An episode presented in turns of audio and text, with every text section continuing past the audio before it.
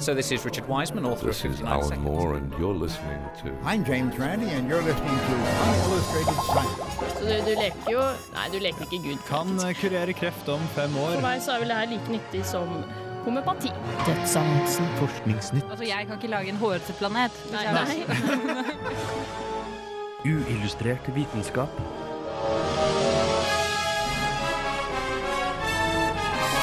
Science, it works, bitches. I dagens sending av Uillustrert vitenskap skulle vi egentlig hatt med verdens mest produktive matematiker. Hadde det ikke vært for at han er død, og sikkert hadde vært opptatt med å skrive matematiske artikler uansett.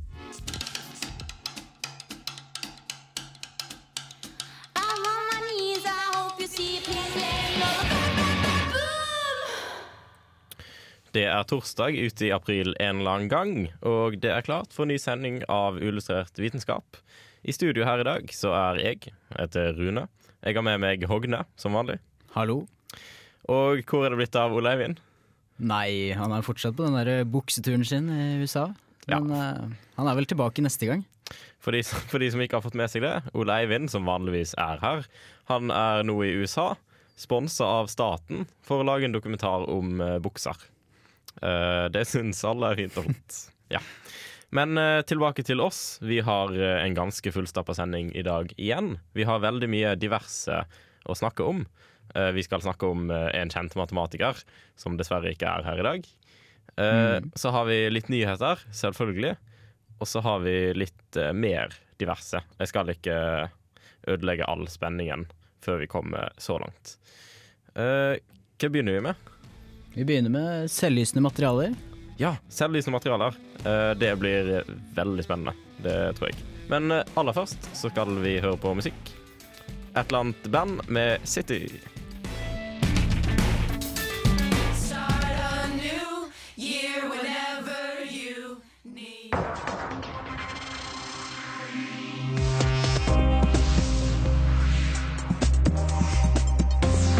Radio Revolt hjelper deg. Velkommen til Radio Revolt hjelper deg. Skal vi se om det er noen som trenger hjelp i dag. Ja, hallo, det er Kåre her. Hei, Kåre. Hva trenger du hjelp til? Jo, jeg kjøpte noen sånn eh, glow in the dark selvlysende stjerner som jeg skal henge i taket på soverommet mitt, men jeg finner ikke eh, av-knappen på dem, så jeg får ikke til å sove. Hvordan skrur man av selvlysende greier? Jo, nå skal du høre. For å få sjølysende materiale til å slutte å lyse, må du bare vente til elektronene i strontiumaluminatet som stjernene er dekket med, returnerer til et stabilt nivå. De eksisterende elektronene gjør forbudte kinetiske, ugunstige kvantesprang til trippelnivå med parallellmagnetisk spinn. Selv om disse kvantenivåene vanligvis relakseres Hei, i løpet av 10 du. minus 8 til 10 Jeg forstår ingenting. sekunder, så vil de- Selvlysende, eller fosforiserende, materialer er mye brukt i leker, klokker og skilting. Men hvordan funker de? Enkelt forklart tar de til seg stråling og sender den ut igjen som synlig lys over tid, gjerne fra noen minutter opp til en time. En fullstendig forklaring inneholder en del vanskelig kvantemekanikk, men grunnprinsippene er som følger. Når materialet blir bestrålt, eksiteres elektroner til ustabile energinivåer.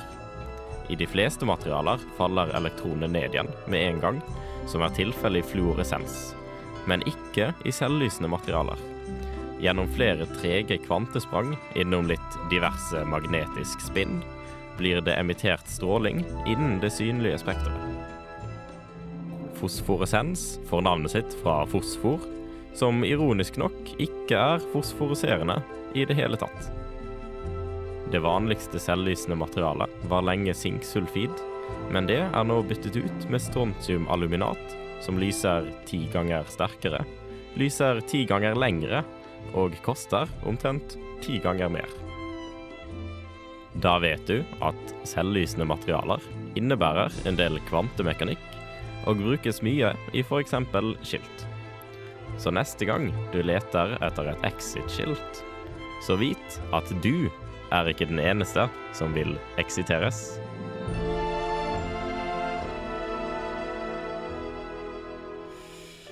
Ja, der fikk du dagens talentløse pønn. Eh, dag, ja. Men òg dagens kvantemekanikk. Fordi uh, selvlysende materialer inneholder veldig mye fysikk. Veldig mye rart som Ja. jeg ikke forsto. Ja, det Eh, er ganske vanskelig, tror jeg. Ja. Ja, det, det var det. Fordi det, det jeg ville da, at eh, jeg tenk, satt her en dag og tenkte selvlysende materialer, det er noe alle har kjennskap til. Eh, Gjerne i stjerner i taket på soverommet. Det er fantastisk.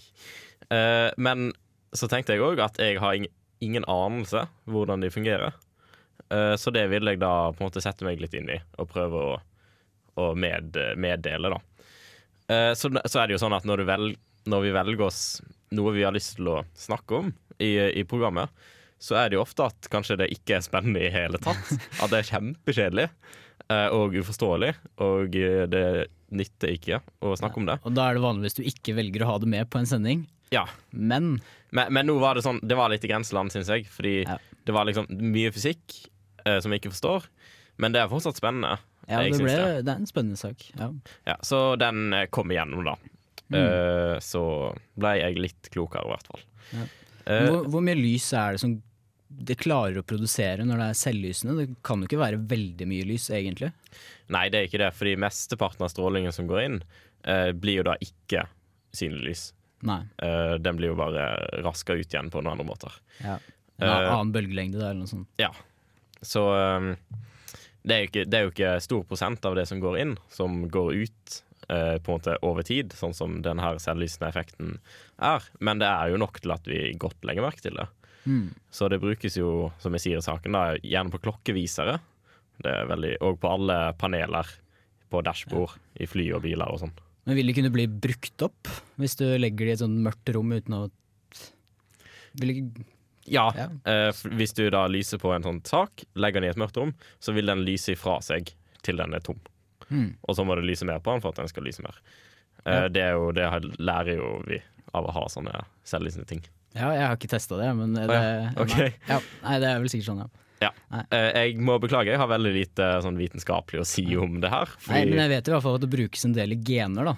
Ok. Eh, fordi av at eh, det finnes gener som er selvlysende. Eh, for det er jo noen dyr her som klarer å være selvlysende, eh, og da har de tatt de genene fra ja, er det, jeg vet ikke, døgnfluer, er det, eller hva, hvilke er det som er selvlysende dyr? Eh, du, har, du har jo noen uh, sånne andre fluer, sånn, eh, men de lyser jo, på en måte. ja, Ikke på samme måte, de lager lys. ja, men det er i hvert fall noen gener som er uh, selvlysende, som de har brukt. Uh, ja, som da viser om gener er aktive eller ikke, og dermed så kan de brukes da til å se hvilke gener som brukes, da, for ellers er det veldig vanskelig å ja, se inn i kroppen på andre, eller se hvilke gener som er aktive. Da. Ja, det er veldig smart. Men jeg vet ikke om det er helt samme prosess. Ja, jeg tror vi beveger oss litt ut på litt tynn grunn etter hvert. Så jeg tror det kanskje er best å gå videre. Fordi eh, vi skal snakke om uh, Paul Erdosh. Erdosh, ja. Erdosh. Mm. Som uh, jeg sa egentlig skulle være her i dag. Det var egentlig bare tull. uh, fordi han er jo død, og han har vært død ganske lenge. Ja. Eh, men vi skal i hvert fall snakke om han uansett. Eh, før det så skal vi høre selvfølgelig musikk. The Underachievers, Gold Soul Theory.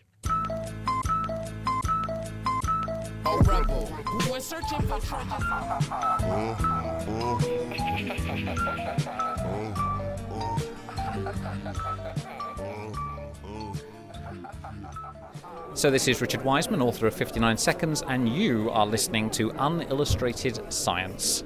Enjoy. Einstein var en utrolig produktiv mann og publiserte i løpet av livet sitt hele 315 vitenskapelige artikler.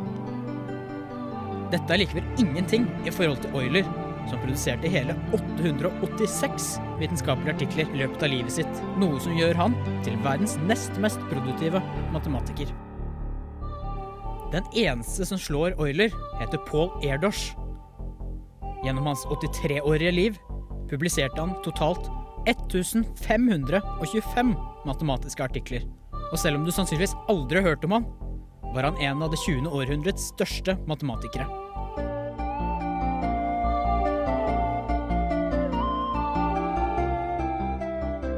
Paul Erdos var en ungarsk, eksentrisk matematiker som levde fra 1913 til 1996 og gjorde store funn innen kombinatorikk, grafteori og tallteori. Allerede som ung var Erdős et geni. Bare tre år gammel lærte han å regne, og som fireåring kunne han regne seg frem til hvor gamle folk var i sekunder. Som 17-åring begynte han på universitetet, bare fire år senere var han ferdig med både mastergrad og doktorgrad.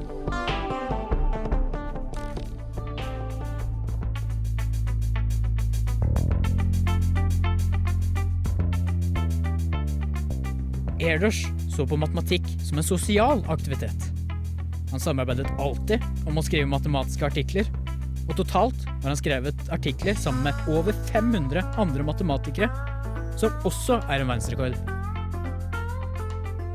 Gjennom hele hans voksne liv var Erdős hjemløs.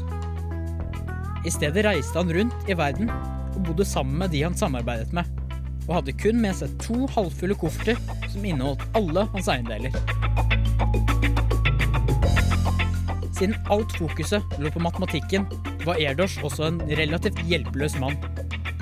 Han trengte hjelp til alt fra å vaske undertøy til å bli forklart hvordan en appelsin skulle deles. Men det var kanskje også dette totale fokuset på matematikk som gjorde han så produktiv.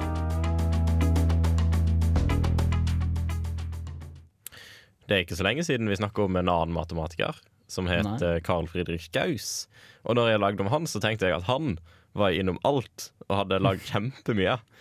Men eh, det hadde han tydeligvis ikke, fordi Paul Erdős har lagd mye mer. Ja, han er, han er helt utrolig hvor mye han har gjort, eller hvor mye han rakk å gjøre på sitt eh, 83-årige liv. Da.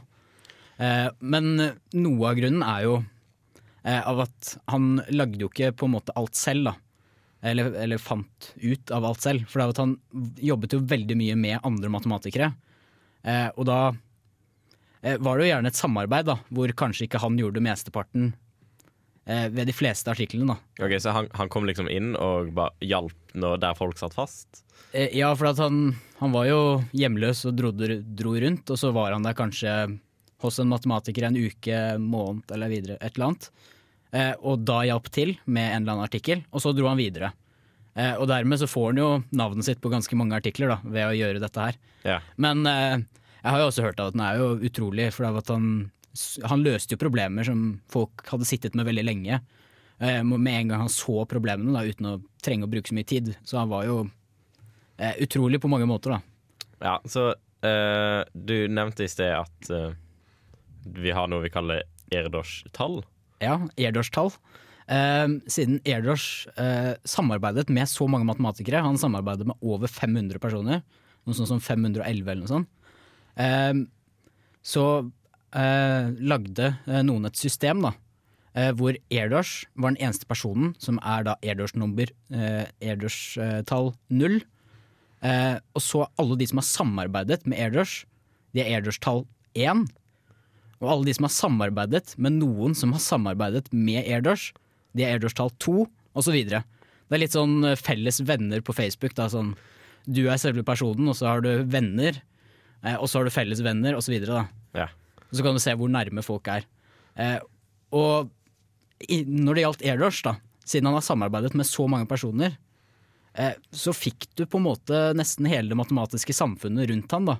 På en sånn der, innenfor Erdős-tall 4-5 et eller annet. da. For at han har samarbeidet med så mange personer, og de han samarbeidet med er gjerne også de som samarbeidet med veldig mye an mange andre også. da. Så det er over, godt over 7000 personer som er Erdős-tall 2. Eh, som blant annet Einstein osv., som oh, ja. kommer veldig nærme eh, Erdurs. Ja, eh, når, når var det han levde? Eh, han levde fra 1913 til 1996, Ja, OK. så han har ikke vært død så lenge. Nei, det er ikke så veldig lenge. Nei. Eh, men ellers var han også veldig merkelig på veldig mange andre måter. Da. Jeg nevnte jo at han var en relativt hjelpeløs mann. Eh, men han var også en som liksom ikke hadde noe forhold til eh, penger. Da. Okay. For han hadde jo nesten ingen eiendeler. Eh, og så lagde han også et system, da, for han ønsket veldig gjerne av at matematiske problemer skulle bli løst. Og ikke bare av at, Det trengte ikke å være han som løste det, men hvem som helst. Ja. Så dermed så lagde han noen egne priser, da.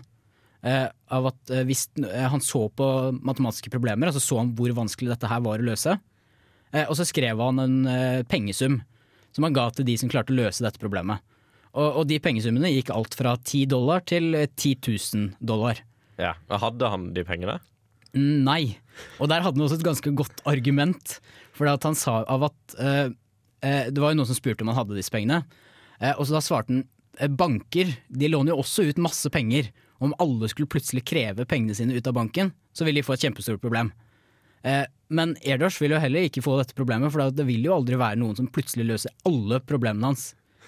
Eh, så han, han, nevnte, han følte han var på eh, trygg grunn der, da. Men eh, det, var, det var vel noen som løste problemene han satte pris på? Ja, det var jo det. Betalte han penger til det? Eh, Ja, han gjorde det. Han var veldig raus. Ja. Han hadde egentlig sånn lite forhold til penger. Han var ikke så opptatt av penger i det hele tatt. Ikke Eh? Og så fant han også ut av at han var jo utrolig produktiv. Og og den, en av de måtene han var produktiv på, var av at han de siste 25 årene han levde, eh, hadde 19-timersdager, så han sov veldig lite. Eh, sov i ja, under fem timer? ja. Eh, og han tenkte vel matematikk ja, omtrent hele tiden. Eh, og i tillegg så drakk han utrolig mye kaffe.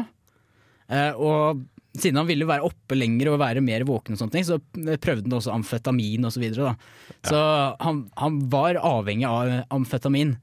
Han hadde vel et sånt veddemål. Eh, hvis han klarte å holde seg unna amfetamin på én måned, så ville han få sånn 500 dollar. Eh, og det greide han, for han har en veldig vil- viljestyrke. Men han sa av at eh, han bytta jo rett tilbake til amfetamin etter at dette var ferdig. da. Ja, for, for å liksom holde døgnrytmen i gang. Ja, da Han hadde ikke gjort noe produktivt den måneden da, når han ikke hadde fått i seg amfetamin. Nei, ok, så da har vi et triks. Hvis du vil bli en veldig sær matematiker. Amfetamin, sov fem timer hver dag, og drikke mye kaffe. Ja. Og ikke ha noe sted å bo. Nei, da, ja, det, da blir du i hvert fall en som airdrush, da. Men eh, jeg tror du må ha noe mer enn det. da. Det er ikke det som er eh, løsningen for å kunne løse alle verdens matematiske problemer. Ja, vi får virkelig håpe det, i hvert fall. Ja. Uh, vi har nyheter. Fordi verden stopper aldri opp, som man sier. Og vi har tre nyheter denne uka, og de skal vi høre etter musikk. Kari Harnes Haug, 'Evil Spirit'.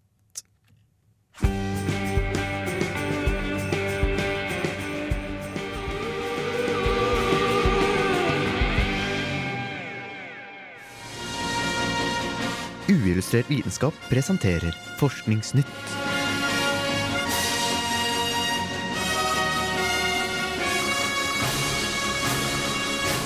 Forskningsnytt.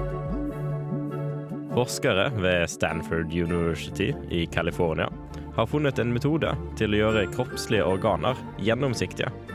Ved hjelp av et spesielt løsemiddel kan de fjerne lysblokkerende lipider fra vev, som ender opp med å gjøre resten gjennomsiktig. Teknikken er ikke ny, men tidligere forsøk har vist at løsemiddelet også har fjernet for mye proteiner, noe som gjør det resulterende organet vanskelig å studere. Den nye og forbedrede metoden viser veldig stort potensial innen hjerneforskning.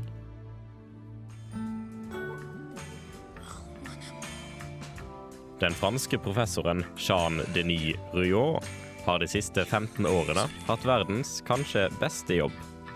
Ved hjelp av et skyvelær brukte han disse årene på å måle plasseringen og orienteringen på flere hundre kvinners brystvorter. Grunnen var visstnok en studie på BHRs effekt på ryggsmerter og puppesiging. Studiet var visst ikke bare et skalkeskjul for å kikke på brystpartiet til kvinner mellom 18 og 35 år, for nå har han kommet med en konklusjon. BHR har ingen positiv effekt på verken ryggsmerter eller brysters vertikale plassering.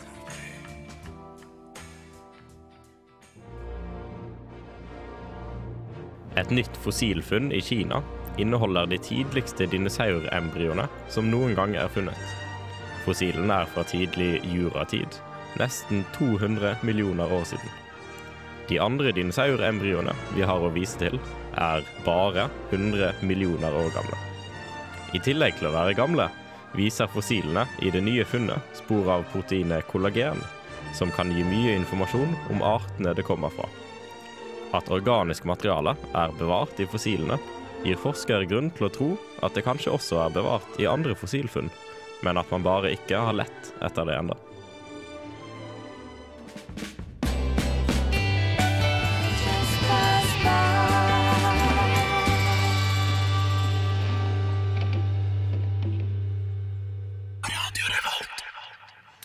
Ja, denne ukas nyheter starta med eh, denne gjengen som har lagd eh, gjennomsiktige organer. Mm. Ganske spennende. Ja. Um, ja, det var da de fjerner noen sånne greier, og så blir de gjennomsiktige. Mm. Veldig fint. Ja. Men kan du, kan du bruke det på levende organer også, eller? Det hadde vært kjempetøft. Ja. Uh, set, set, ja. Nei, nei dessverre ikke. Mm. Fordi tingen er at for det første så fjerner Metoden er jo å fjerne lipider, altså fettstoffer. Mm. Uh, og de er der nok av en grunn, tror jeg. Eh, kjenner jeg kroppen rett, så er ting der av en grunn. Jeg vet ikke akkurat hvorfor, men det er, de er viktige. I hvert fall. Nei.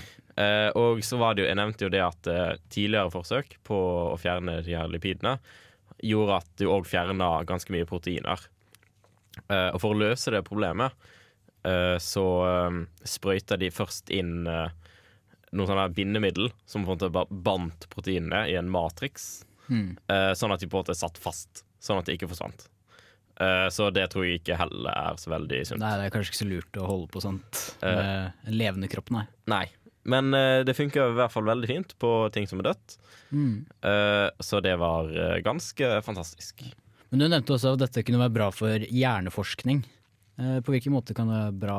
Jo, For fordi sånn som hjerneforskning foregår nå, på, på død hjerne, da. Mm. Eh, det er jo at du, på du tar en hjerne, og så skjærer du den opp i tynne skiver. Og så kan du se på neuronveier og sånne ting. Jeg er ikke så veldig inne i det, men det er i hvert fall sånn det foregår.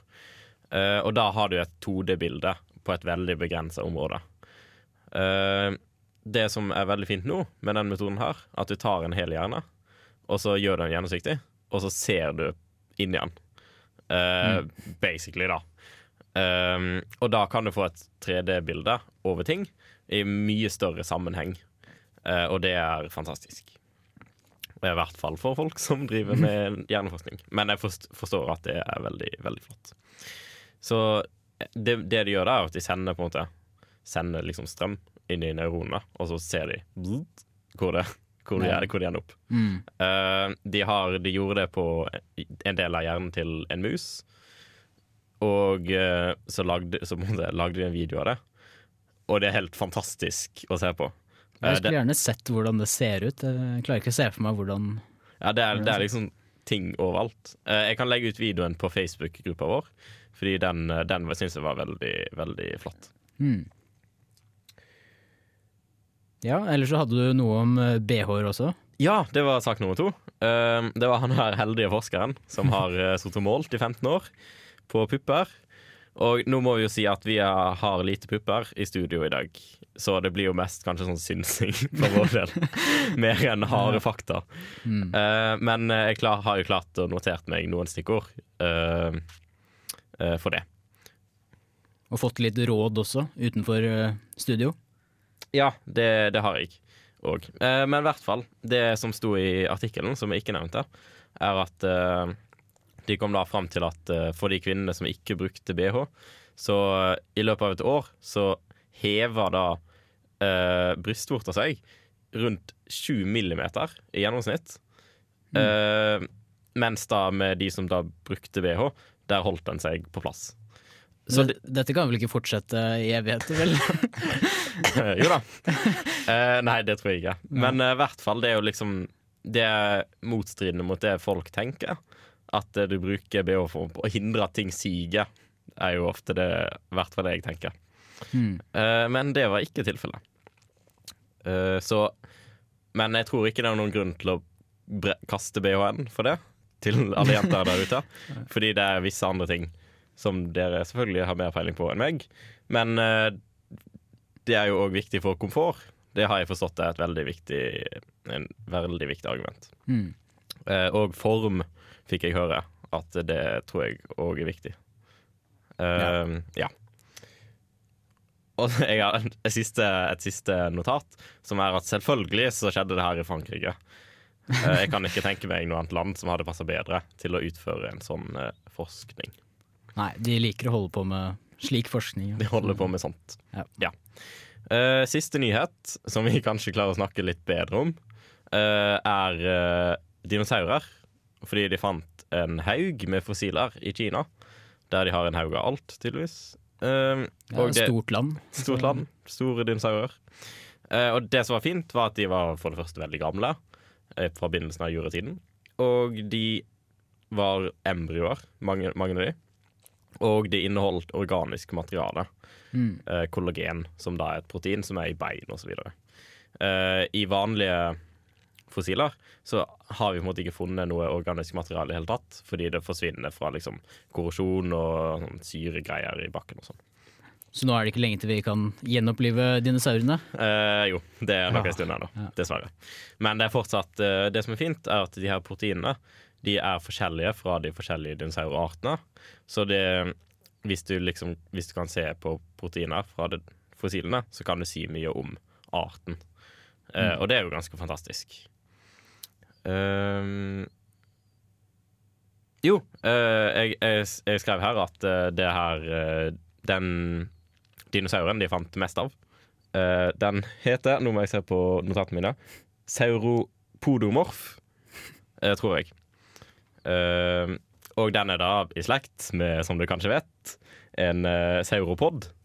Som er en dinosaur som mange kjenner som langhals. Og den er veldig stor. Ja. Uh, de kan faktisk bli opptil 100 tonn, og det er ganske masse. Ja, men det er vel ingenting i nærheten av blåhval fortsatt, da. Hvor, hvor stor er en blåhval? Mm, nei, nå skal ikke jeg si så mye, men uh, jeg tror, tror nå blåhvaler er ganske mye større. OK, men, men mens vi er inne på store ting, skal jeg se om du klarer det her. Hvorfor er dinosaurene så mye større enn dyra i dag? Tja, nei, jeg tror jeg har hørt det før, men uh, eh, Nei, jeg vet ikke. Det må jo være et eller annet med miljøet rundt som Ja, det er korrekt. Det er bare ikke veldig spesifikt. Eh, det er, de er da mye større enn dyr er i dag, på grunn av det var mye mer oksygen i atmosfæren. Ja, det har jeg faktisk hørt en gang. Og så pustesystemer og sånne ting. Sånn som Mm. biologifolk kan ting om. Uh, Det var ukas nyheter. Det har jo selvfølgelig skjedd mye mer, men vi velger jo bare ut noen ting. Vi kan ikke ta alt. Vi velger det beste. Vi velger det beste. Puppeforskning og dinosaurer. Nyheter for menn. Uh, ja, i hvert fall. Vi skal uh, snakke om andre ting. Som kan, vi kan la det bli en overraskelse. Uh, fordi først så skal vi høre musikk. Kronix, 'Here Comes Trouble'. Welcome. What the danger? Here comes trouble.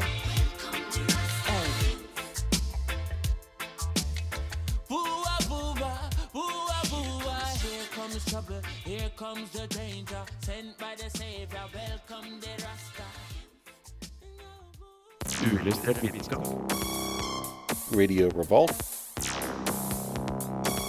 This is Charles L. Bennett from Johns Hopkins University. Science, it works, bitches.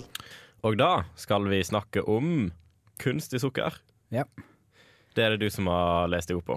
Ja. Um, vanligvis så syns jeg at det er fint av at folk er veldig kritiske. Men akkurat når det kommer til kunstig sukker, så syns jeg at folk er altfor kritiske, faktisk. Ok, og hvorfor det? Um, for det har vært, uh, jeg, har, jeg har søkt en del på nettet, og jeg har hørt ganske mye av hva venner og bekjente sier. Da. Eh, og det er jo veldig mye rart av at kunstig sukker gir kreft. Kunstig sukker um, eh, eh, øker appetitten. Kunstig sukker er verre enn sukker, osv. Ja. Men det er, det er ingen forskning som eh, dekker opp om dette her, da. Fordi av at eh, USA er jo en av de som har forsket mest på kunstig sukker. Eh, og før, før i tiden, så, og fortsatt, som det fortsatt er, så er sukkerbransjen veldig sterke i USA. Ja, det kjenner jeg til. Ja. Eh, og når de driver, og det er stort sett i USA, så er det de som har penger, de driver med forskning. Så det er de som har drevet mest med forskning på kunstig sukker. Eh, og ønsket deres er jo egentlig ikke av at eh, De ønsker av at fortsatt sukker skal være på markedet og sånne ting. Så det har, det har egentlig blitt drevet en del forskning mot kunstig sukker, da. Eh, og dermed så er det en del eh, sånne kunstig sukker som har vært ulovlig, og er ulovlig i USA. Som egentlig ikke har noen ordentlige forskningsstudier som viser at de er farlige. Ok, fordi eh, de mest vanlige kunstige sukkerne som vi bruker, er de farlige? Nei, de er ikke det. Eller en del av det kan du si er like farlig som sukker, men når du tilsetter de i matvarer, så trenger man bare bruke en 200-del, for eksempel. Ok, så du bruker én skje med kunstig sukker, er omtrent like farlig som én skje sukker, men du bruker veldig mye mindre av det kunstige. Det, det, det gjelder ikke engang alle kunstige sukker, uh, sukkertyper. For at noen er helt kalorifrie, uh, og det er ikke alle som har samme virkning som sukker heller. Så det er en del av de som er helt ufarlige. Men eh, ja, og det de gjør, da, er at de har en eller annen eh, virkningsgrad, en eller annen søtningsgrad, slik av at f.eks. aspartam det eh, gjør av at eh, det smaker 200 ganger søtere enn sukker, så du trenger bare en 200-del. Ja. Og du har andre som er enda sterkere enn dette her, da. Og dette fører til av at Fordi av at Mattilsynet har laget en, en, en skala på anbefalt daglig inntak da, for visse stoffer. Ok, Så hvor mye er anbefalt, eller maksimalt anbefalt daglig inntak av vanlig sukker? Vanlig sukker så er det rundt 38-39 gram. For, Eh. for en voksen person? Ja, en voksen person på kanskje 80 kilo. Og det er veldig lite. Det er, Det er veldig lite, ja. de fleste kommer nok over det. Ja, det er veldig lett å gå over det, for det en halvliter cola har nok mer sukker enn det, Ja. vil jeg tro. Eh, Og dermed så har det kommet over den grensa veldig fort. Men grensa for kunstig sukker, den er ikke like lett å gå over. Ja, fordi det er så lite kunstig sukker i varer. Ja, det er veldig, veldig lite kunstig sukker, og det smaker fortsatt like søtt som det ville gjort om det hadde vært vanlig sukker. Eh, og dermed så har eh, Mattilsynet har brukt noen verdier fra EU eh, og satt opp eh, noen diverse grenser, da. Så for eksempel eh, sukkerstoffet sakarin. Hvis du skal gå over grensa for eh, anbefalt, anbefalt daglig inntak, så må du få i deg 6,7 kilo drops. Det er veldig mye. Ja, øh, og nå, nå glemte jeg å nevne at det gjelder hvis du veier 20 kilo. Ok, Så hvis du spiser nesten en tredel av kroppsvekten din i drops Ja, da har du fått i deg eh, Da har du nådd den anbefalte daglige grensen til eh, Mattilsynet. Ok, Og da begynner det å bli farlig. Eh, nei, det gjør jo egentlig ikke det.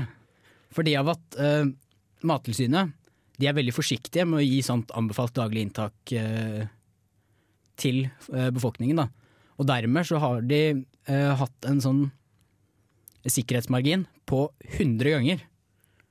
Hun, så, så du kan spise veldig mye mer enn de 20 kiloene? Ja, for de, de, de er veldig redde for at folk skal få i seg for mye. Så dermed så setter de denne maksgrensen mye lavere enn det den egentlig skulle vært. Mm. Eh, og dermed, så hvis du ganger dette her opp, da, så kan du Du har jo 6,7 kilo drops for en kroppsvekt på 20 kilo, med en sikkerhetsgrad på 100. Ja, og hvis du ganger alt det sammen, så vil du få en god del drops. Ja, Så da ville jeg da som veier mellom 60 og 70 kilo en plass, kunne spise rundt to tonn med Ja, du ville kunne spist mer enn to tonn drops, men det, du ser jo at det ikke fungerer å få i seg så mye drops i forhold til kroppsvekt. da. Nei, det, men det, det er for av at dette kunstige sukkeret skal være farlig. Ja, OK. Men fordi jeg vil jeg, Vi må advare litt her. Ikke spis to tonn drops.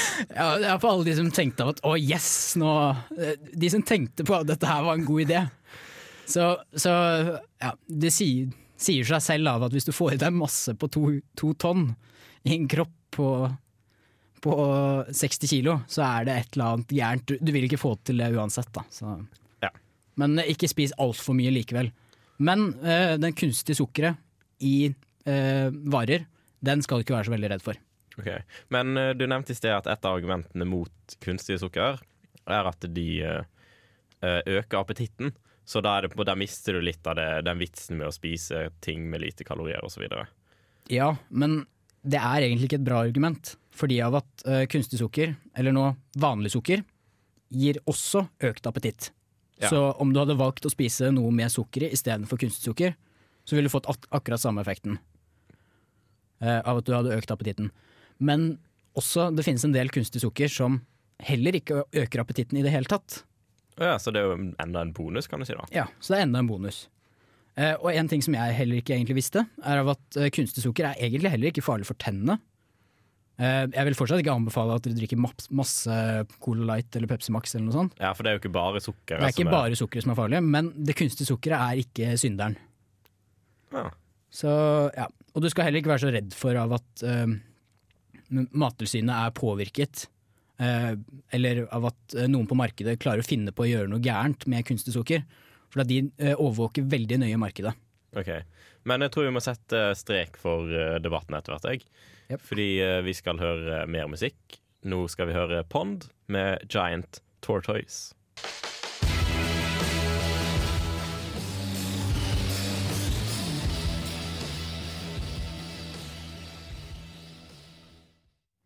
Da var vi kommet til eh, veis ende i dagens sending. Eh, Vi har ikke mer tid. Det hører vi fra Jimmy Hendrix, som eh, klimprer på sin gitar i bakgrunnen. Skal vi ta en rask oppsummering av dagen? Ja. Vi har snakka om matematiker Paul Erdosh. Paul Erdosh. Ja. Så har vi snakka om selvlysende materialer. Selvlysende materialer. ja. Så har vi snakka om BHR, som ikke er så effektive som man skulle trodd. Eh, og så har vi snakka om dinosaurfossiler, som Ja. inneholder organisk materiale, som er ganske banebrytende. Og gjennomsiktige organer.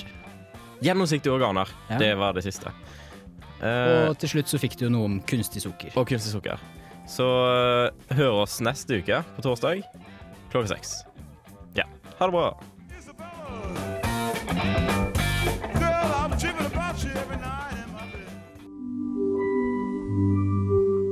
Uillustrert vitenskap er Midt-Norges eneste teknologimagasin på lokalradio. Og vi snakker om alt fra populærvitenskap til sære forskningsprosjekt ved NTNU. Radio Revolt, studentradioen i Trondheim, er stolt av å kunne presentere podkaster fra de aller mest populære programmene våre. Hvis du har lyst til å høre mer fra Radio Revolt, hvem vi er og hva slags musikk vi spiller, så kan du høre oss på FM-båndet i Trondheimsregionen, eller streame sendingene våre live på radiorevolt.no.